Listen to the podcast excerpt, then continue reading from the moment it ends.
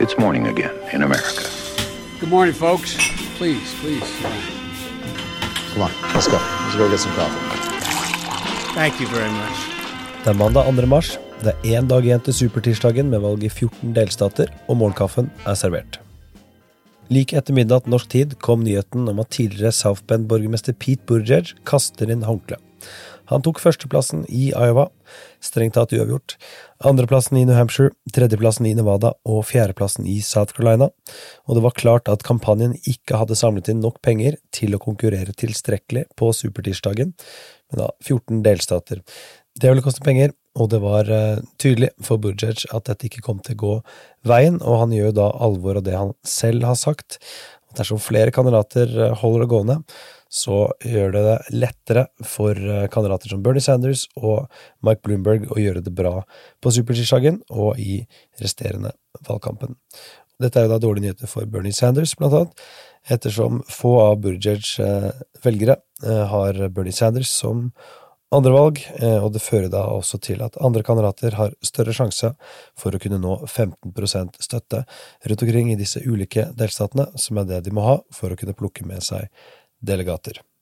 Resultatene fra South Carolinas primærvalg på lørdag, det ble en brakseier til eh, Joe Biden med 48,4% av stemmene, 28,5 prosentpoeng foran Bernie Sanders på andreplass, han fikk 19,9. Tom Steyer fikk 11,3 prosentpoeng og kastet inn eh, og kastet deretter inn håndkleet. Pete Buttigieg, som altså nå er ute, fikk 8,2% på fjerdeplass. Elizabeth Warren 7,1% på femteplass. Amy Klobuchar 3,1% og Tulsi Gabbard 1,3. Det var kun Joe Biden og Bernie Sanders som fikk med seg delegater herfra, og Biden fikk med seg rundt tre ganger så mange som Bernie Sanders. Med andre ord en meget, meget god kveld for Biden, noe vi snakker mye mer om i ukas 2020, som ligger i podkastappen din. Og hvis ikke du abonnerer, så er det bare å gjøre det. Vi har med oss Henrik fra South Carolina og Våren fra North Carolina. Biden har vind i seilene, det er det ingen tvil om, og vi kan jo da avslutte denne korte utgaven av Målkaffen som du nå hører like før du skal høre på 2020. Det er flere av kampanjene som har kunngjort pengeinnsamlingstall for eh, februar. Biden samla inn fem millioner dollar kun på lørdag. Det er imponerende, og det var jo da godt hjulpet av en tidlig kunngjøring av seieren i South Carolina. Sanders på sin side samlet inn hele 46,5 millioner dollar i løpet av februar. Med mer enn 2,2 millioner donasjoner så utgjør dette en gjennomsnittlig donasjon på 21 dollar.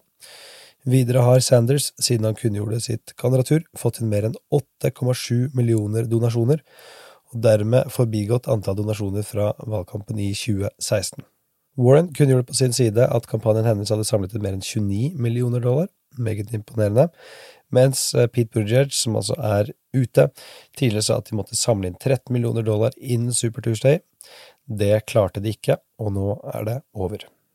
Dagens utgave av eh, Morgenkaffen er servert av Ingrid Sovie Stangeby Wendsel og undertegnede Are Togplaten, som forhåpentligvis ikke er like forkjøla i morgen. I morgen er det supertirsdag. Følg oss, så blir det veldig, veldig spennende hva som skjer.